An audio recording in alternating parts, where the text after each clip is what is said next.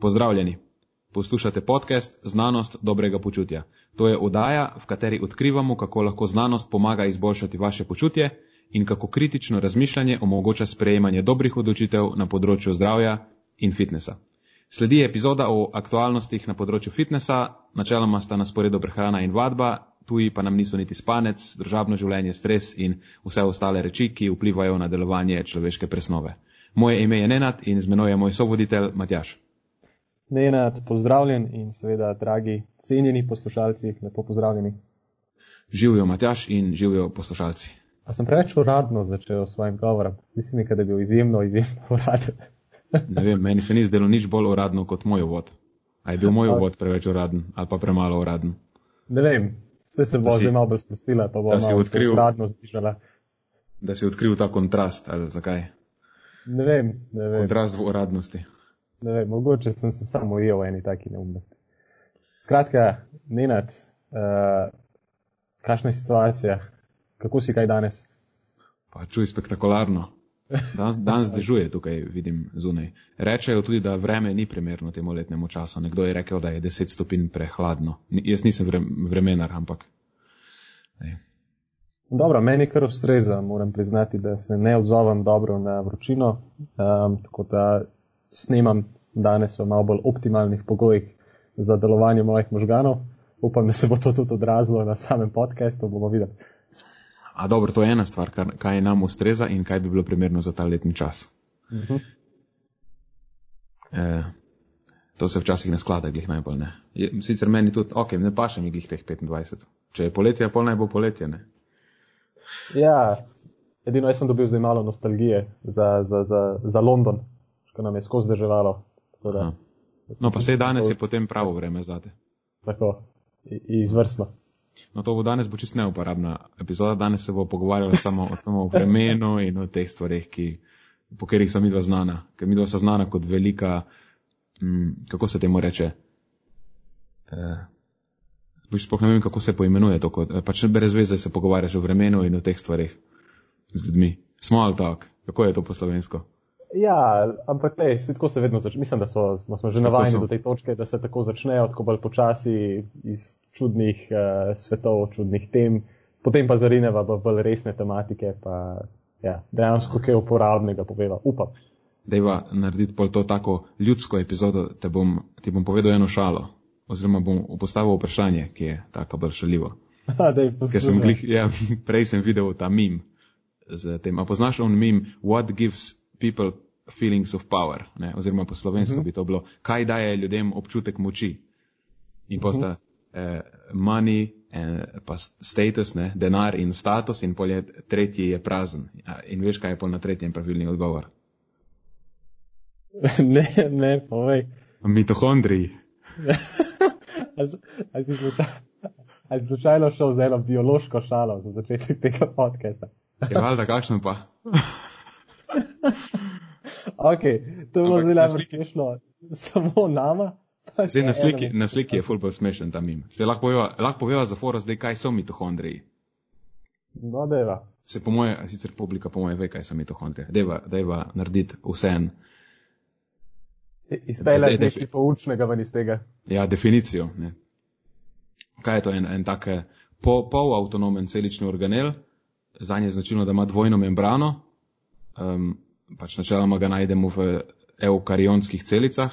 To, to, to je tista domena življenja, ki je sposobna graditi večcelične organizme. Ne, in eh, eden glavnih ali pa celo Mogoče celo glavni, glavni razlog, ki uh, omogoča to večceličnost, je prisotnost eh, teh mitohondrijev v njihovih, ali pa v naših celicah.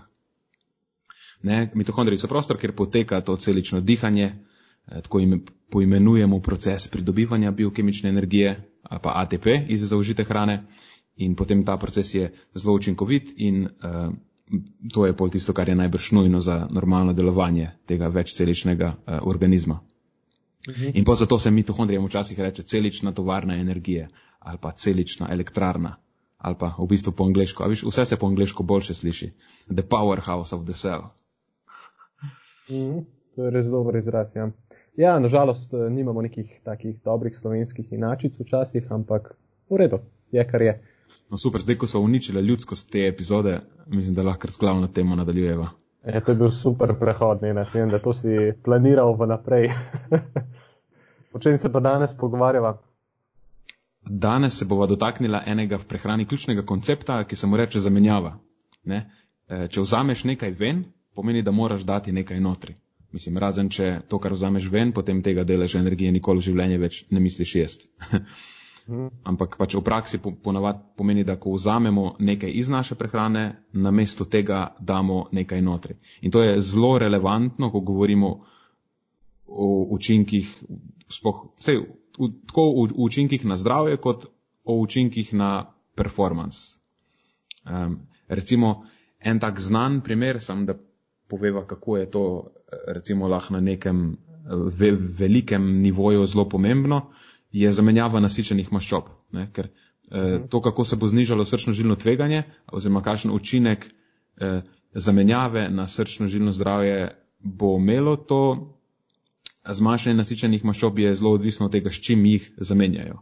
Ne? Vemo, da je ugoden učinek najmočnejši, ko jih zamenjamo z polinenasičenimi maščobami, oziroma eh, večkrat nenasičenimi maščobnimi kislinami. Um, potem že pri zamenjavi z enkrat nenasičenimi je znižanje eh, tveganja precej manj učitno, plus na tej točki se potem zgodba še malo bolj zaplete, zato ker so eh, z ugodnimi učinki je povezana predvsem zamenjava za rastlinske enkrat nasičene maščobne kisline, medtem ko uh, zamenjava z enkrat nenasičenimi maščobami živalskega izvora ni tako zelo jasna, pa lah, mislim, da lahko rečeva, ker da se doskrat sploh ne pokaže. Mhm.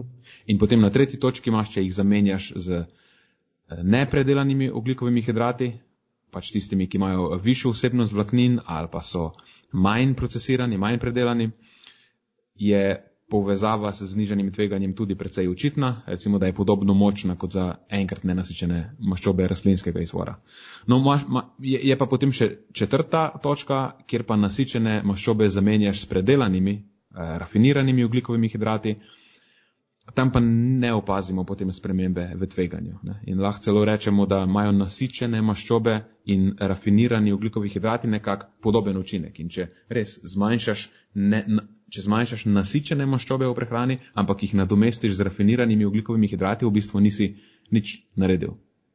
In to neupoštevanje, recimo, kako se potem tudi v znanosti lahko manifestira ali pa v zaključkih nekih vplivnih raziskav, če ne upoštevamo vpliva zamenjav, mm, oziroma to neupoštevanje vpliva zamenjav, je potem tudi ena izmed težav eh, tistih, eh, da je v narekovajih reč, vplivnih metaanaliz, ki so pred kratkim, relativno pred kratkim, ugotavljale, da zmanjšanje nasičenih maščob v prehrani nima učinka na srčno-žilno zdravje ali pa na izide eh, na področju srčno-žilnega zdravja.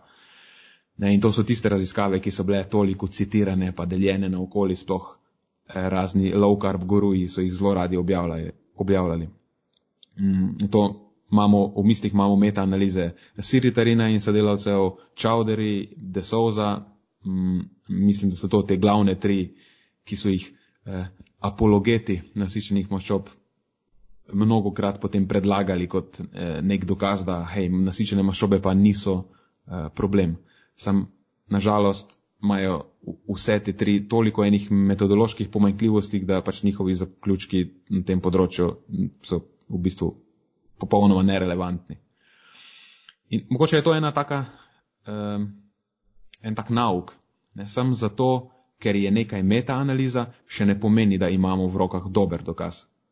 Tako kot vse ostale oblike raziskovanja so lahko tudi metaanalize pomanjkljive, lahko so narejene slabo in mislim, da so vse tri naštete en tak učbeniški primer, kako pač ne delati metaanalize, če želiš točen in pa uporaben zaključek. Um, ker pač metaanalize so v bistvu so statistične, ponovne statistične analize eh, večjih združenih raziskav in če pač vključuješ raziskave eh, na podlagi ne dovolj dobro razdelanih vključitvenih kriterijev, potem pač na koncu valjda, da ne dobiš nič uporabnega. Um, na področju računalništva temu rečejo garbage in garbage out, ne? smeti noter, smeti ven. Če v, uporab, če v analizo vključuješ neprimerne podatke, potem na koncu pač dobiš eh, za nič rezultat. Ampak glavnem, ok, poanta je, da bo učinek vsake zamenjave na koncu, ko potegnemo črto, recimo, odvisen od tega, kako ta zamenjava spremeni našo celotno prehrano. Ali pa če greva še malo dlje, lahko rečeva, da bo vpliv na zdravje določen s tem, kako bo neka zamenjava, kjerkoli, ali pa neka sprememba naš, naše navade vplivala na naš življenjski slog kompletno. Ker doskrat se zgodi, ali pa da je vareš neredko, da na, um, da na, na račun neke prilagoditve v eni domeni življenjskega sloga potem spremenimo vedenja, ki pa so stvar nekih drugih domen. Um, in potem, če teh povezav ne upoštevamo, pa dajemo ljudem samo tak površinski nasvet v, ne, v, v eni domeni, rečem, na, recimo, moraš se upisati na neko obliko vadbe, moraš začeti trenirati, recimo, ne? ampak ne upoštevamo, kaj to pomeni, kako bomo potem mi še druge domene spreminjali zaradi tega, ker zdaj ponovem hodimo na vadbo, ima to na koncu lahko neutralen učinek, lahko pa celo negativen učinek. In če dava en klasičen primer, zihar vsi se lahko ali poistovetijo s tem ali pa poznajo kak tak primer, nekdo se odloči, da bo zdaj redno fizično aktiven, ne, ker mu je, tako kot rečeno, nekdo povedal, da mora biti in se pač upiše trikrat ali pač celo štirikrat tedensko na eno zelo intenzivno fizično aktivnost. Na koncu imaš res feeling, da si potrošil vse kalorije na svetu. Ali pa da si se res, ne, res je bilo naporno. Ampak potem pa greš po končanem treningu vsakič na eno nagrado, v rekovajih nagrado, ne, na nek, ne, greš na, neko, na nek zelo kaloričen ali pa z prehranskega vidika manj idealen obrok ali pa prigrizek ali pa kaj tajega. Greš na tortico ali pa si na poti domov vzameš kebab, pa veš, potem malo še med tednom si pogosteje pogledaš skozi prste, ne, češ, eh, pa se ne bo nič hudega, če grem zdaj malo na, na, če grem na kavo ali pa na roglič, se grem pojutri itak spet na trening. Pa potem daš še soboto malo, tako eh, nalagano, ne, ker hej, en cheat meal ali pa en cheat dan se v itak ne bo škodil, se gremo v ponedeljek spet eh, na trening. Sam bo potem se tega nabere in, in na eni strani si si naredil dobro, da si pač povečal stopnjo fizične aktivnosti, kar ima lahko neodvisno pozitivne učinke, samo po drugi strani si pa pokompenziral stvar čist ali pa še bolj na prehranskem eh, področju. In ena ta stvar, če, če se omejiva samo na prehrano, recimo, se lahko zgodi tudi izključno samo na področju prehrane. Ne? Še posebno, če je sprememba eh, razumljena kot zelo pozitivna, eh, ampak v resnici sploh ni ugodna, ampak je neutralna.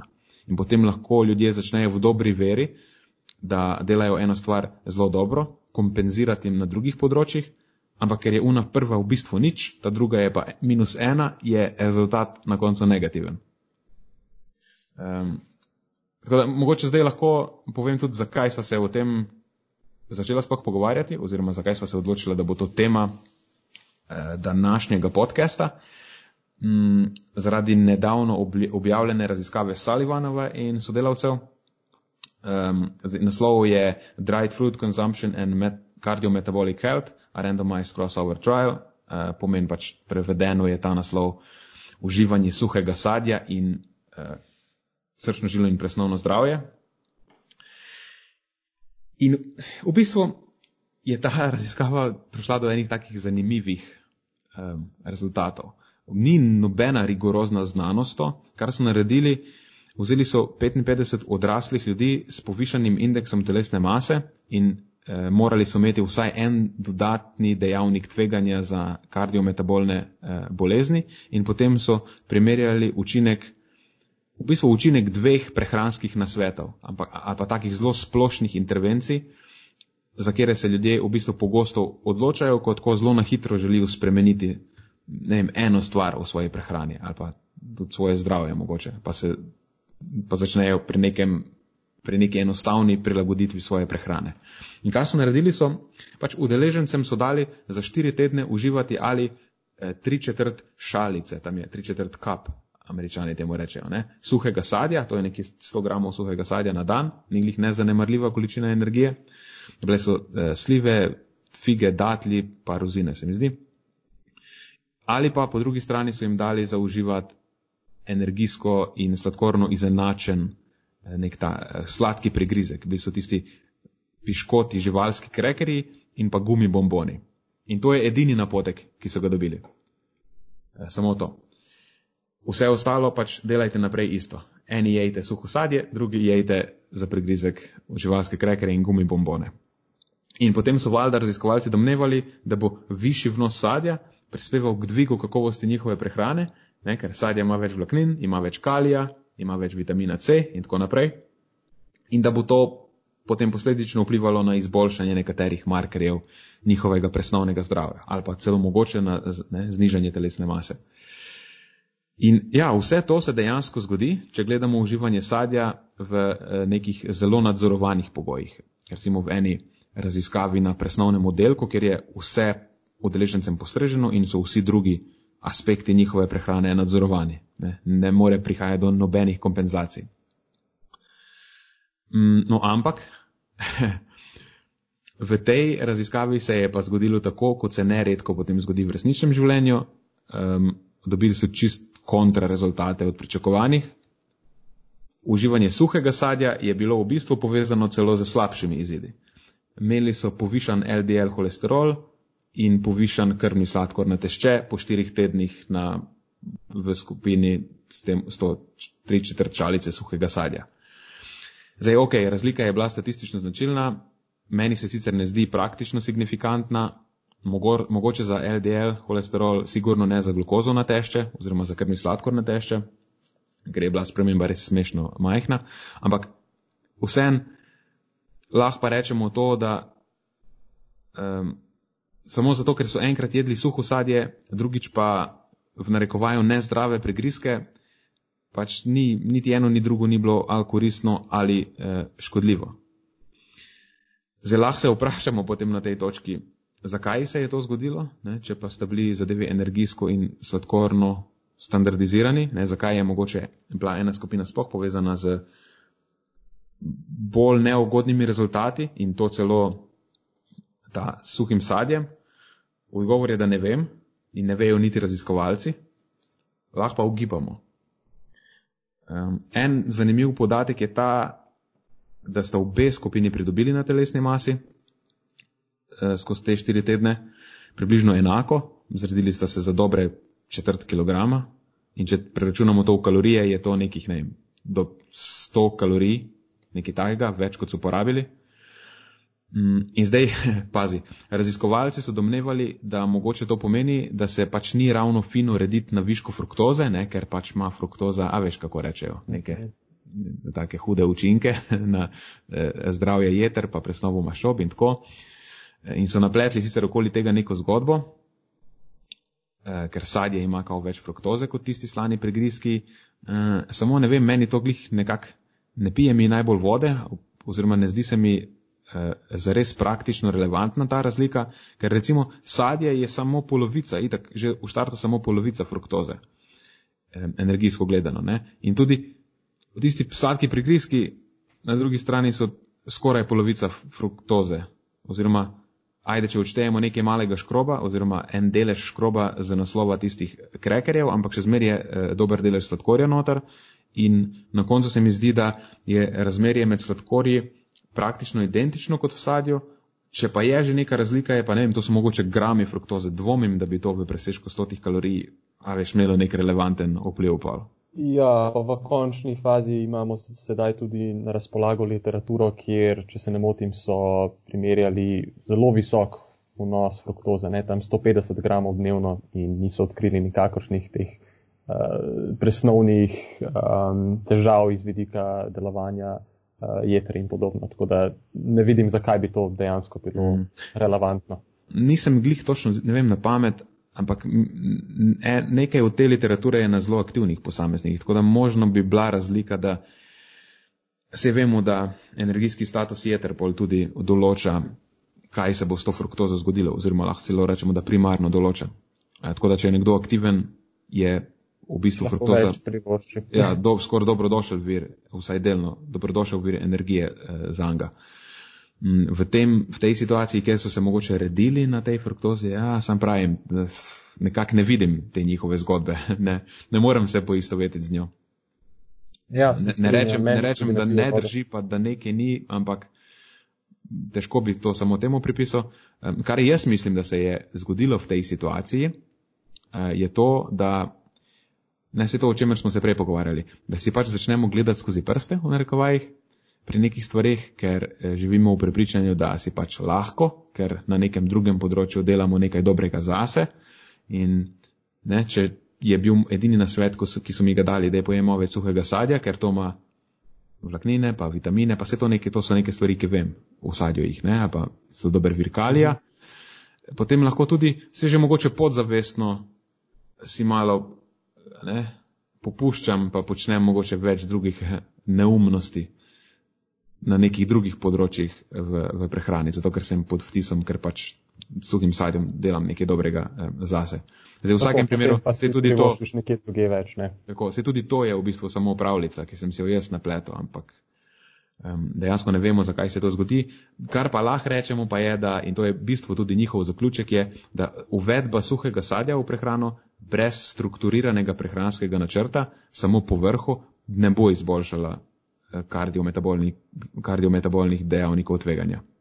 Ne, okay. v, pri, v primerjavi s sladkimi prigrizki pri odraslih s povišanim indeksom telesne mase in vsaj enim dodatnim dejavnikom kardiometabolnega tveganja, ne, da upravijo še to dožnost. Um, uh -huh. Ampak pač generalno Sej vemo tudi za sveže sadje, se zgodi podobno. Če ljudem, ki v osnovi nimajo zrihtane prehrane, rečemo samo, da naj eh, pojej, pojejo več sadja, in če oni to razumejo samo več sadja po vrhu vsega in brez nekih dodatnih sprememb v prehrani, potem to pogosto vodi v pridobivanje telesne mase in pa slabši presnovni profil. Ne? Tako da samo zato, ker neko živilo dojemamo kot bolj ugodno, če ga dodamo samo po vrhu za nič prehrane, um, se ne bo nič zgodilo.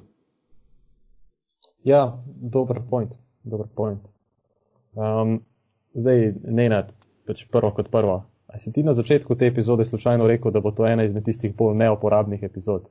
Zdaj si v teh zadnjih cirka 15-20 minutah povedal ogromno enih zanimivih stvari. Tako da ne pije to vode. To se sva, prej sva, uh, sva naredila prehod. Ne? Sva se odločila, da ne bo ljudska, ljudska epizoda, da bo čist. Uh,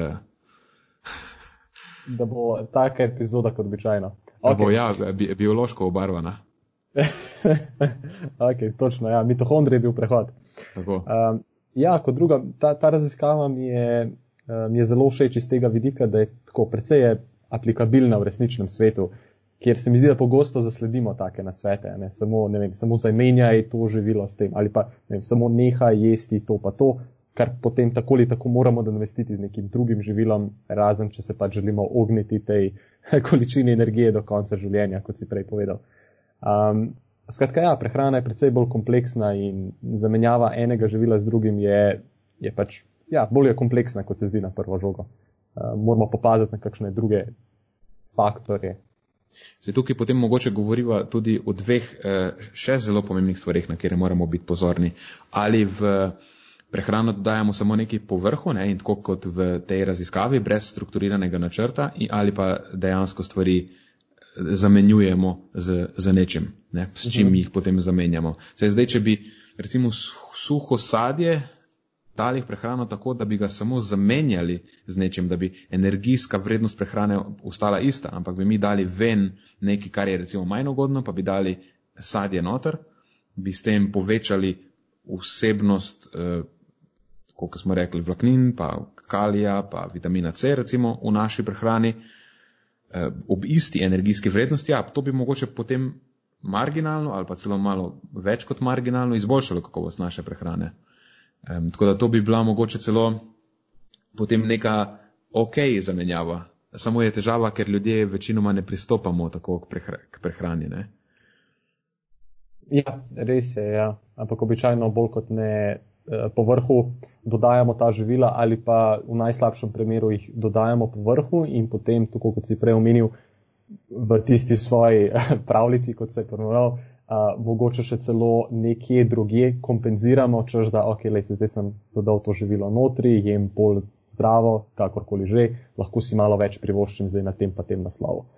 In potem ne samo, da dodajamo neko živilo na povrhu vsega in potem še, še ekstra dodajamo. Pa, pa smo sploh v neki neugodni situaciji. In imamo tudi težavo, ker te stvari se lahko zgodijo čist, uh, mi smo lahko dobro namerni, pa si rečemo, ok, cool, zdaj bom dal suho sadje noter in bom potem ne bom ničesar uh, si kompenziral, recimo. Ne, ampak bom celo namerno dal neko stvar uh, ven. Samo stvar je, da mi če nimamo enega takega eh, kompletnega pristopa, kjer znamo oceniti našo celotno prehrano, pa izmeriti nekako, ne se ne rabijo biti kalorije pa grami, ampak nekako samo oceniti, kakšen, kakšen je zdaj naš vnos eh, različnih teh komponent ali pa različnih makrohranil. Eh, se nam lahko čist nezavedno zgodi, da neka sprememba v naši prehrani povzroči neko drugo spremembo. Ne? Se ne rabi biti to, da si jaz zdaj popuščam vedno v vsakem, v vsakem primeru. Tako, No, in to, točno to, kar si zdaj v bistvu omenil, je pa nekaj, s čimer se jaz zelo pogosto srečujem in to je v neki športni populaciji. tle, tle se mi zdi, da okay, tle, tle opažam dva pola, spoh če delamo z nekimi mladimi športniki. Uh, nekateri so, milo rečeno, dokaj neresni glede svoje prehrane. To so tisti posamezniki, ki si morda lahko to ta trenutek še privoščijo, so pač mladi, talentirani, uh, sicer trdo garajo na treningih in potem uh, veš, lahko iz tega vidika malo kompenzirajo. Pač vsekakor pa ni dvoma, da bi že lahko ta populacija s pravilno prehrana a, bila še bolj uspešna. Ampak to ni ta populacija, o kateri sem želel govoriti. Hotel sem govoriti o tem nasprotnem polu in to so tisti športniki, ki so bolj, a, bi rekel, temu prehransko ozaveščeni, ne, ki zelo pazijo na svojo prehrano ali pa pazijo najboljše po svojih močeh in znanju, ampak potem po nesreči zaidejo v neke ekstreme ali pa bolje rečeno neoptimalne prehranske zamenjave. Um, tako kot si ti tole zelo dobro predstavil, Nenad, in potem v končni fazi so te zamenjave lahko za njih zelo uh, kontraproduktivne. In mogoče prva taka sprememba ali pa zamenjava, ki, s katero se pogosto srečujemo v praksi, je uh, pretirano fokusiranje na podnarekovajih uh, zdravo hrano oziroma tisto hrano, ki jo vsaj uh, širša populacija doživlja kot bolj zdravo, torej tista, ki je recimo hranljivo gledano, mislim, je bolj hranljiva, je energijsko gledano manj gosta in podobno. Um, zdaj, pač pomembno je razumeti, da je vse odvisno od konteksta. Ne? Nekateri športniki si dejansko lahko s fokusiranjem na taka živila um, delajo škodo, kajti energijske potrebe športnikov so namreč lahko izjemno visoke, sploh če se pogovarjamo o mladih športnikih, ki se že tako ali tako razvijajo, uh, in potrebujejo več energije, že, že, samo, že tudi, če ne bi telovadili. Ne. Zdaj pa dodamo še na vrh tega neko uh, naporno fizično aktivnost, sploh v primeru teh vrhunskih mladih športnikov, ki trenirajo več ur dnevno. Ja, tukaj pa si lahko nakopljamo marsikatero težavo. Kaj ti pokrivanje teh potreb, teh energijskih potreb zgolj preko nekih manj predelanih, energijsko manj gostih virov je v določenih situacijah dejansko lahko praktično nemogoče. Ne. Če si predstavljate, da ima nekdo energijske potrebe več kot recimo 4000 kalorij na dan ali pa ne vem, mora zaužiti več kot pol kilograma oglikovih hidratov dnevno, ja, to se definitivno dogaja in to zelo pogosto. Zdaj, mi pa od njega zahtevamo, da to prihaja izključno na račun nekih polnovrednih žit, pa da ne sme jesti bolj predelanih virov, ne sme jesti, ne vem, belih testenin, belega riža, belega kruha, Eh, sokov, bombonov in tako dalje. Eh, ampak da morajo vse to pokriti preko nekih polnovrednih žit, preko stročnic, eh, samo rjavi riž je dovoljen, recimo take stvari. Ne. Seveda ne bo šlo skozi. Ne. Športnik bo naletel na najrazličnejše težave, že na račun sitosti, potencialno potem ne bo pokril svojih dnevnih energijskih potreb, bo imel težave s prebavo in posledica tega je potem slabša regeneracija, Eh, če se to dogaja na kronični bazi, tudi večja možnost poškodbe, večja možnost bolezni eh, in seveda ne bo tako hitro napredoval, kot bi sicer. Tako da, da ne bo zdaj kdo mislil po tem govoru, da morajo zdaj vsi športniki temeljiti svojo prehrano na bolj predelanih virih, eh, vsekakor ne. ne pač poanta tega je, da so tisti bolj predelani viri včasih boljša izbira in zamenjava bolj predelanih virov z manj predelanimi ni vedno najboljši na svet, sploh če se pogovarjamo o tej specifični uh, populaciji. Uh, potem pa so tukaj še kakšne, recimo, specifične športne populacije, uh, pardon, specifične športne situacije, kjer pride ta stvar, o kateri sem ravno kar govoril, še bolj do izraza. Um, recimo, pr primer tega bi bil proces polnjenja glikogenskih rezerv, ki ga izvajamo z, z vzdržljivostnimi športniki. Tukaj posamezniki dejansko pojedo tudi preko 10 gramov ugljikovih hidratov na kilogram telesne mase dnevno. To je, recimo, to je preko 700 gramov ugljikovih hidratov za nekega 70 kg težkega posameznika. To je pač enormna količina ugljikovih hidratov, enormna količina uh, hrane. In zdaj, če bi prehrana tega posameznika, tist, uh, tisti dotični trenutek, ko izvajamo ta protokol, temeljila zgolj na nekih manj predelanih vlaknastih živilih, recimo na polnovrednih um, testeninah, ne, kot se to pogosto priporoča, recimo za neke vzdržljivostne športnike, ali pa ne na zadnje tudi na tistem uh, suhem sadju, ki se ga prej omenil Nenad. Zdi se mi, da bi vsekakor tak posameznik naletel na težave s prebavo, ne, zaradi visokega vnosa vlaknin in podobno. In Vlastno ročno bi zvišal uh, emisije toplogrednih plinov cele, za celo državo. ja, tako je. tako je, zaradi težav s prebavo. Um, pa tudi pretirano bi si povečal telesno maso, ne, kar bi pač vplivalo na zadrževanje vode mm. uh, in podobne stvari. Tako da v takem scenariju so dejansko bomboni in sladkor so lahko uporabno živilo in so lahko super nadomestilo za tiste manj predelane uh, vire. Um, tako da ja, odvisno je od situacije. No, to sem želel reči, da odvisno je od situacije, odvisno od koga se pogovarjamo. Um, ne moramo vedno posplošiti neke prehranske zamenjave, da bo v vseh situacijah uh, imela pozitiven vpliv na vse, uh, na vse ljudi. Tukaj pri športnikih je recimo je sploh od konteksta odvisno, ker ni samo v smislu od konteksta od, uh, pri posamezni osebi, ampak je od konteksta v posameznem delu dneva, ne, tako kot si lepo uh mhm. -huh. povedal moraš po eni strani poskrbeti za energijo, po drugi strani moraš poskrbeti pa tudi za hranila. Ne? Tako da ne moreš reči, kot ste si povedali v bistvu, da jej samo nepredelane vire, ne moreš, mislim, jej samo eh, predelane vire ali pa visoko procesirane vire. Vseeno moraš potem najti okna v dnevu, ki boš dal pa noter tudi neko više kakovostno hrano oziroma hranilno bogato hrano. Tako je. Tako ja. Tukaj se pa potem res zabrišajo tiste meje med, med dobrim in slabim ne, v narekovajih, res ne moreš čez prideti tako, da bo dobro, če imaš v glavi samo to, ali je črno ali je pa belo, imaš dobra, slaba živila. Ampak moraš v vsaki situaciji najti, kar je za tisto situacijo primerno. Ne. Zdaj v eni situaciji je lahko to visoko predelano, v eni pa nizko predelano živilo, ali pa manj predelano. Mhm. Mislim, da je eno izmed pomembnih sporočil tega podcasta tudi to, ne, da, um, da dejansko ne moremo pač deliti živila tako na ta potem črno-belem principu. Uh, odvisno je od konteksta. Ja. Da... Dobro, se to je, ni samo te epizode, to je sporočilo tega celega podcasta ja. in najnega celega življenja v bistvu. Ja, ja, res je, ja. Res je. Um, ja. Ok, škaj je še ena, še ena zelo pomembna, no, nekaj, kar zelo pogosto opažam v praksi, pa sem, sem želel deliti z vami, boš povedal, kaj si ti misliš nenad na tem naslovu. Um, ena pogosta menjava, ki jo zasledim na naslovo športnikov, ponovno, še posebej tistih, ki so bolj prehransko ozaveščeni, uh, je pa kar se tiče soli. Uh, in tukaj imam dve točki pravzaprav. Prvo je, zdaj si odprl to, a niso rekli, da bo to, a niso rekli, da bo to manj kot eno uro dolga epizoda. To bo zdaj uro pa pol dolgo. Ne, ne, ne. Veš, koliko je, te, veš, koliko je še tega? Ogromno. Ajde, zdaj, dobro, da je nadaljuj. Vprosti, da sem prekinil. No, kar sem hotel povedati na, tem, na tej točki, prva je ta, da, kot sem že omenil, športniki so pogosto malo bolj prehransko zaveščeni, pa pogosto tudi preberejo, ne, da recimo pretirano uživanje soli ni dobro za zdravje in potem začnejo zavestno omejevati iz svoje prehrane. Zdaj to niso samo športniki, mogoče tudi druga populacija, ampak z njimi se najpogosteje srečujem.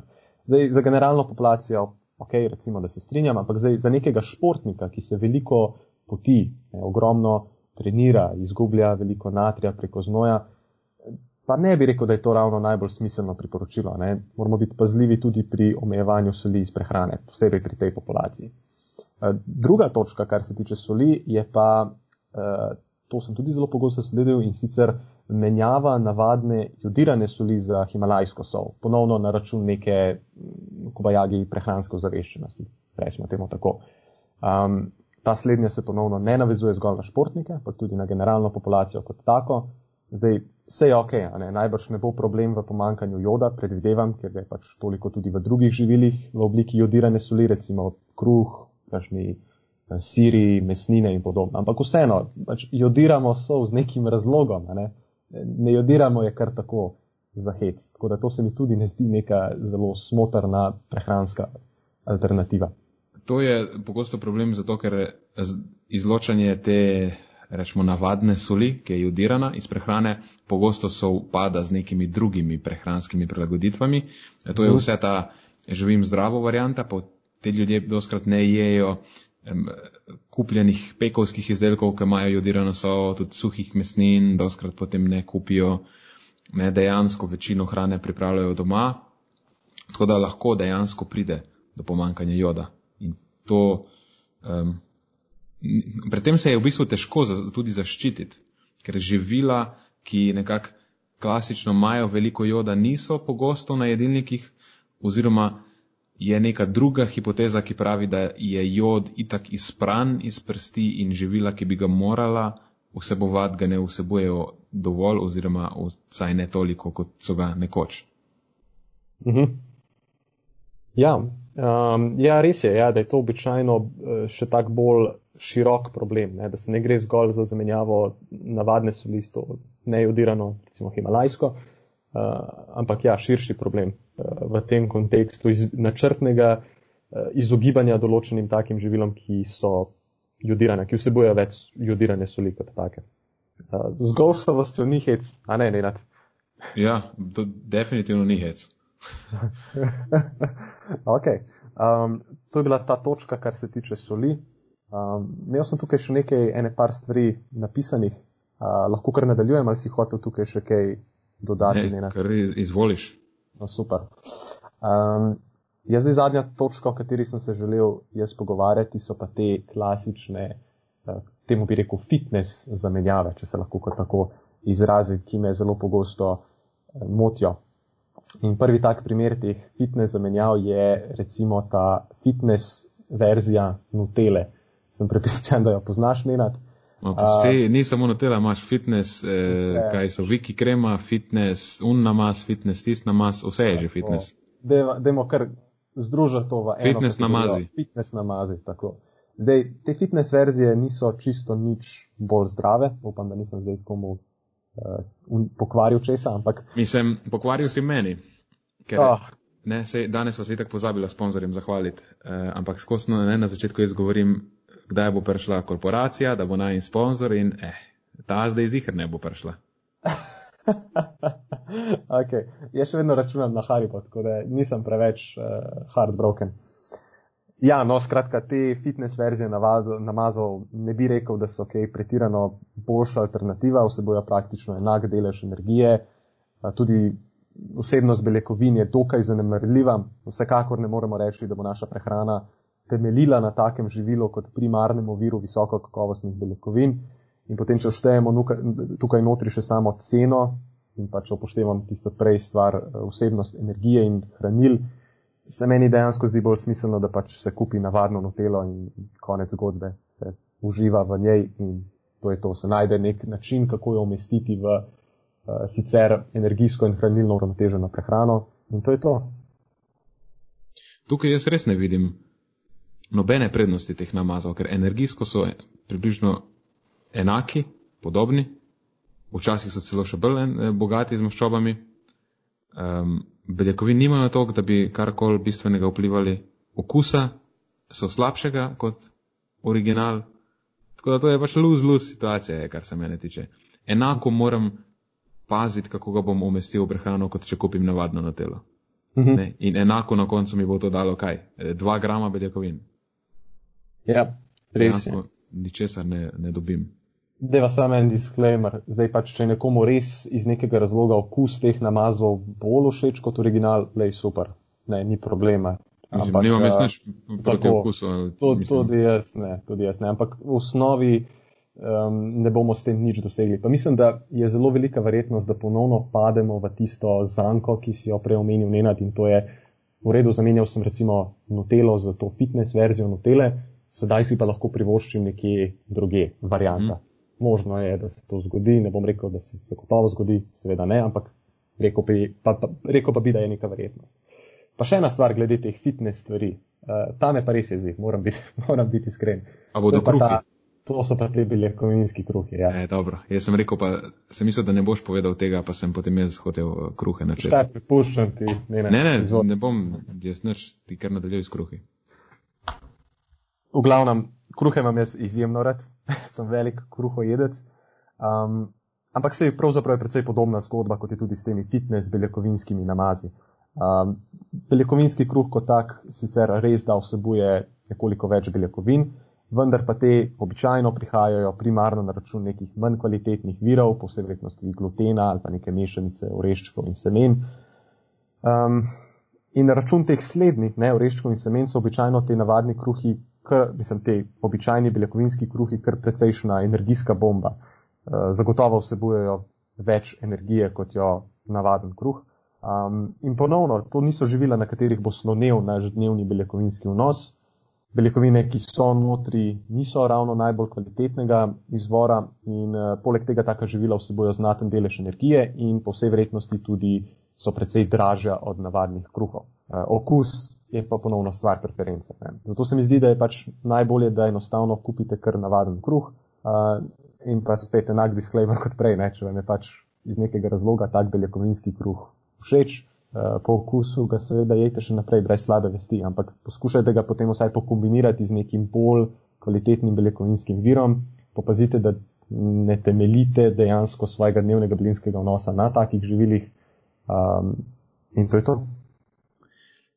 Če razmisliš, kaj daješ na kruh ponavadi, recimo, da delaš sendvič, si tako daješ vire beljakovin gor, ne? tako da se malo zgobi pomen tega kruha. Po drugi strani pa, kos beljakovinskega kruha ponavadi so to taki zbiti kruhi bistveno manj volumensko zgleda, ne? manjši sendvič lahko z tega narediš. Ampak če si dal zdaj že nekaj beljakovinskega gor, pol ta, te beljakovine spodaj so itak nerelevantne, rabiš ugljikove hidrate, da uravnotežiš ta obrok. Ne? Ajde, vidim situacijo, da imaš beljakovinski namaz, pa pol daš, a veš, beljakovinski kruh, pa pol združiš to zadevo v neko obrok, ki ima dosti beljakovin. Ja. To je šala. uh, ampak mogoče bi celo, ampak dvomim, da bi prišel čez. Ja, če bi že prišel čez beljakovinsko, pa vsekakor ne tako zelo dobro energijsko. Pa ponovno, luz bi bilo po moje kar nekaj. Ja, ja definitivno. Um, tako, to, to, te, to so te ključne stvari, ki jih vsaj jaz opažam v praksi. A pol nimaš dol po seznamu še beljakovinskih testenin, pa beljakovinskih njokov, pa beljakovinskih banan? A beljakovinske banane tudi obstajajo? Ne, to sem si izmislil zdaj. No, eh, dragi poslušalci, to je tržna niša, če želite zaiti v te vode, jaz mislim, da bi se to tudi prodajalo v večjih količinah. Sem mislim, ja, da moraš samo to fitness nalepko nalepiti gor ali pa izraz beljakovinski, pa bo šlo zelo dobro v prodajo. E nekaterih stvari enostavno ne moreš eh, narediti tako, da bi ustrezale določenim prehranskim strujam. Ena še ena on, zanimiva stvar, ki se je lahko dotaknemo, so potem tudi te razne zamenjave eh, veganski ponaredki ali pa low carb ponaredki. Uh mhm. -huh. eh, spomnil sem se pa zato, ker se zdaj pogovarjava o stvarih, ki jih ne moreš ponarediti in se potem jaz pogosto pošalim, da ne bom šel nikoli na low carb eh, dieto, zato ker enostavno pač kokic tam ne moreš jesti in tega ne moreš tudi ponarediti. Ja, uh, okusa kokic pa res ne vem, kako bi ponaredil. Ja. Ampak če se vrneva na te izdelke, ki so pač uh, označeni z neko prehransko račva ideologijo ali pa ne z nečim, ki se že samo zaradi tega, da je zdaj pod to pod tem imenom smatra kot bolj ugodna izbira, je doskrat tudi nasprotno lahko, ker imamo nek procesiran izdelek, ker ponavadi, če hočemo eno stvar ponarediti, jo nekako moramo narediti, če ne obstaja še v taki, ne, v originalni obliki. In to zahteva neko mero procesiranja. In potem imamo izdelek, ki je, ne vem, ali je ponaredek mesa na eni strani, ali je ponaredek nekega škrobnega živila, to je vedno neka, ali pa doskrat je neka stvar, tako kot rečeno, je, je procesirana, lahko je energijsko bolj bogata, lahko je um, hranilno bolj revna, ampak jo potem mi dojemamo kot boljšo, zato ker ne mi, ampak tisti, ki jo kupujejo zaradi tega. Eh, kot bolj ugodno, zaradi tega, ker ne, ustreza tem nekim eh, arbitrarnim pogojem, pravilom, kriterijem, eh, v resnici pa ni. In spet, se, če se vrnemo nazaj, se lahko ujamemo v tisto zanko, ker kupujemo stvari, za katere mislimo, da so ok za nas, da so mogoče boljše alternative, eh, v resnici pa kupujemo dejansko stvari, ki so a dražje, ki niso to, kar pričakujemo od njih, so pač slabšega okusa, pa um, na koncu tudi imajo manj ugoden učinek na naše zdravje. Tako da mogoče to je še ena pomembna kategorija, ki jo ne smeva pustiti. Ne, ne, to si zagotovo si dobro izpostavil, ker je predvsej ak aktualna tema. Ne. Mhm. Ker doskrat imamo celo živila, ki so v originalni obliki zelo dober vir nečesa, recimo grški jogurt, ne? izjemen vir beljakovin, pol imaš pa, kaj je un. Ok, sojin jogurt je še ok, ni niti približno tako dober vir beljakovin, ampak je lahko ok vir beljakovin, ali pa rečva, da bo bolj točno, ima nekaj beljakovin. Podobno kot recimo navaden jogurt. Navaden jogurt, ja. Pol imaš pa, kaj je, kokosov jogurt, nekaj hmm. tajega ki pa zgleda zelo podobno, sicer ne vem, kako je po okusu, ker ga nisem nikoli še kupil. Ampak je tako smetana v bistvu, čista maščoba je. In je na čist drugem ekstremu prehranskem. Nekaj čist, čist drugo živilo je. Ne? In zdaj, če nisi indoktriniran v to prehrano do te mere, da znaš ločiti na podlagi eh, prehranske deklaracije, zelo hitro padeš v to past. Ja, res je. Ja. Um, in zelo podobno je tudi recimo na osnovi kakšnih teh eh, rastlinskih napitkov. Zdaj, daleč od tega, da bom rekel, da je mleko kot navadno mleko izrazito dober vir beljakovin, ampak um, zdi se mi, da se pogosto potem smatra, da pri kakšnih teh rastlinskih napitkih, zlasti recimo rižov napitek um, ali pa kakšen napitek iz uh, ovsa, uh, da, ima, da ima neko podobno sestavo, ampak um, dejansko nima. Ne pravzaprav je pretežno vir oglikovih hidratov, zelo izrazit vir enostavnih oglikovih hidratov, seboj običajno tudi preko 10 gramov uh, sladkorja na 100 ml takega napitka, kar je popolnoma drugačna prehranska eh, vrednost, kot jo sicer najdemo na deklaraciji navadnega mleka.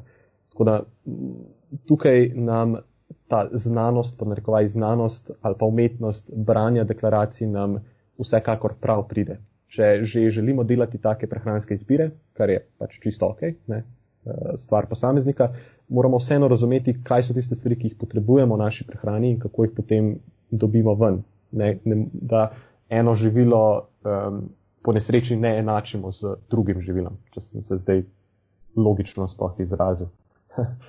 mm. To riževo mleko je v bistvu sladka pijača v preobleki. Ne vem, če bo to smiselna prispodoba, zdaj sem se spomnil, ko si to uh, razlagal, pač, lej, moja glava deluje na čuden način. Če bi bila ta zadeva pravljica v rdeči kapici, bi bila Coca-Cola volk, ki je volk, originalen in riževo mleko je pol, ko je preoblečeno v babico. aj, aj. Ok, dve šali v enem podkastu, ne nadzbil si svoje povprečje. Ne, dobro, jaz sem razumel to prispodobo, upam, da bodo tudi poslušalci. Dajte nam, ja, dajte nam javiti, da vidimo, če lahko jaz nadaljujem s tem humorjem v epizodah ali pač moram spremeniti navade. V bistvu moje vprašanje je, ali bi nenadal naslednji webinar moral biti v bistvu stand-up show. to je zdaj ključno vprašanje. Prehranski stand-up. Ja, tako, prehranski stand-up. Jaz mislim, da bi bilo to zelo dobro sprejeto bova razmišljala, bo razmišljala o tem. Tako, tako. Kaj so še pozabila povedati o prehranskih zamenjavah? Aha, jaz bi se eno stvar bi dodal še. Isto je, ko govorimo na splošno o skupinah živil. Pa lahko se pogovarjamo o mesu, lahko se pogovarjamo o mlečnih izdelkih, lahko se pogovarjamo o čemerkoli, o sladkih pijačah, o nekih živilih, ki so dobra ali pa manj dobra ali pa ugodna ali pa neugodna. Um, ja, res je, v epidemiologiji lahko izluščimo nek, rečemo temu, baseline učinek ali pa nek. Mm, lahko jih kategoriziramo kot bolj ugodna ali pa manj ugodna. Samo na koncu dneva um, bo pri nas kot posameznikih vsaka zamenjava imela učinek glede na to, kako, v kakšen kontekst prehrane se ta skupina živil vklopi. Ne? Tudi če vemo, da je recimo rdeče meso, a pa sploh procesirano rdeče meso, za sveže rdeče meso imamo manj nekak dosledne rezultate, da je povezano s slabšimi izidi na področju kardiometabolnega zdravja in je, rečemo temu, da nismo zares še nismo sigurni, a je pač manj ugodno ali pa ni, dočim za procesirano meso imamo zelo dosledne rezultate, pa lahko rečemo, da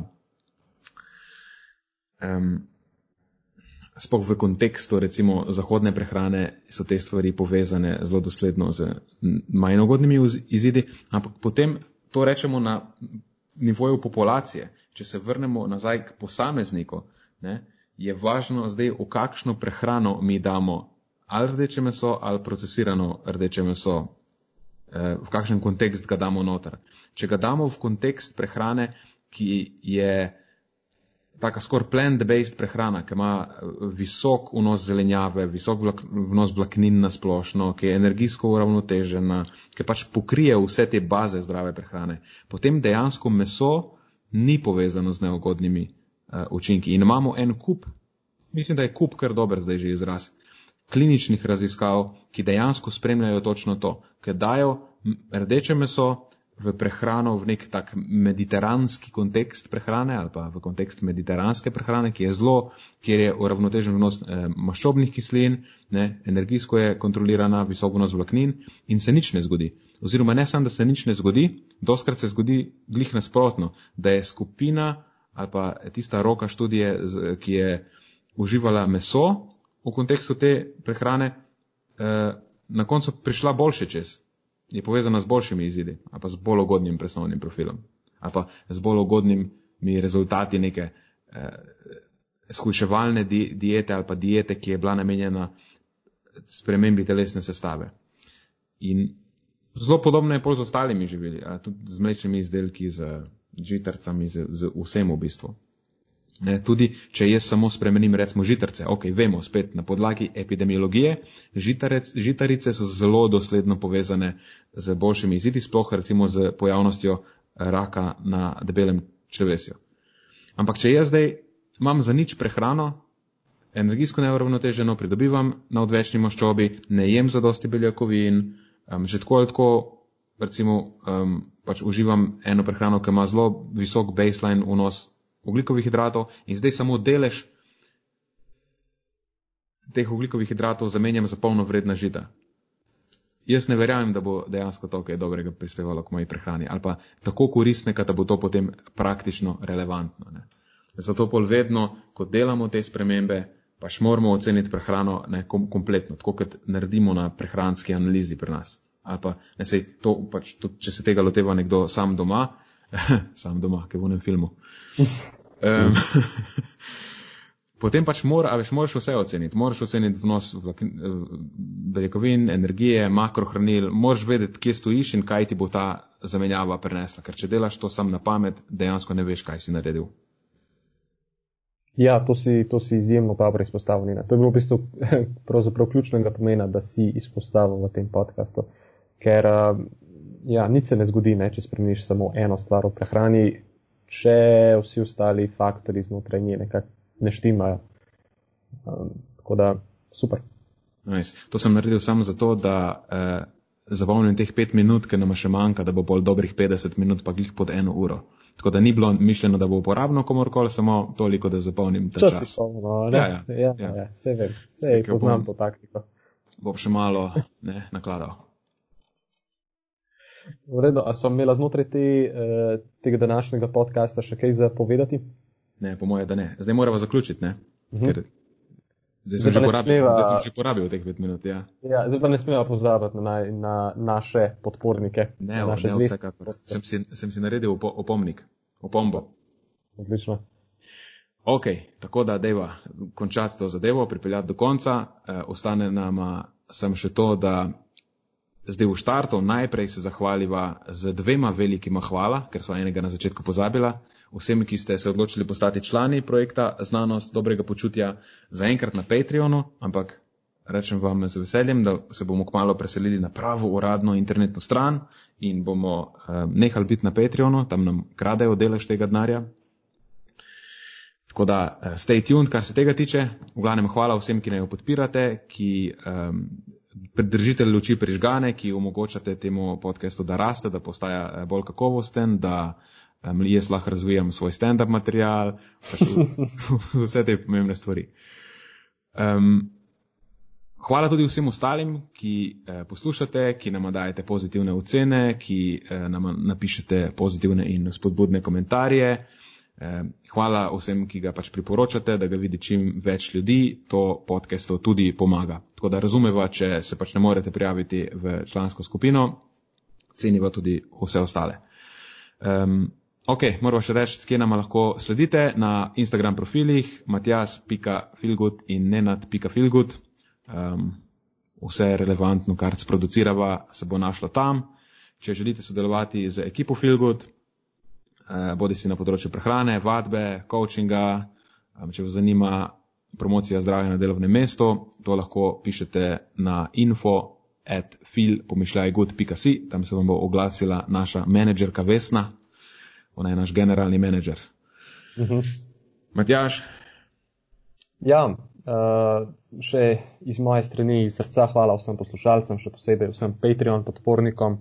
Uh, upam, da ste v tej epizodi kljub vsem, po vsej verjetnosti samo nama smešnim šalam uspeli izluščiti nekaj uporabnih informacij. Uh, sicer pa nič, se slišimo naslednjič. Tako je, hvala za poslušanje, se slišimo prihodnjič, do takrat pa ostanite premišljeni.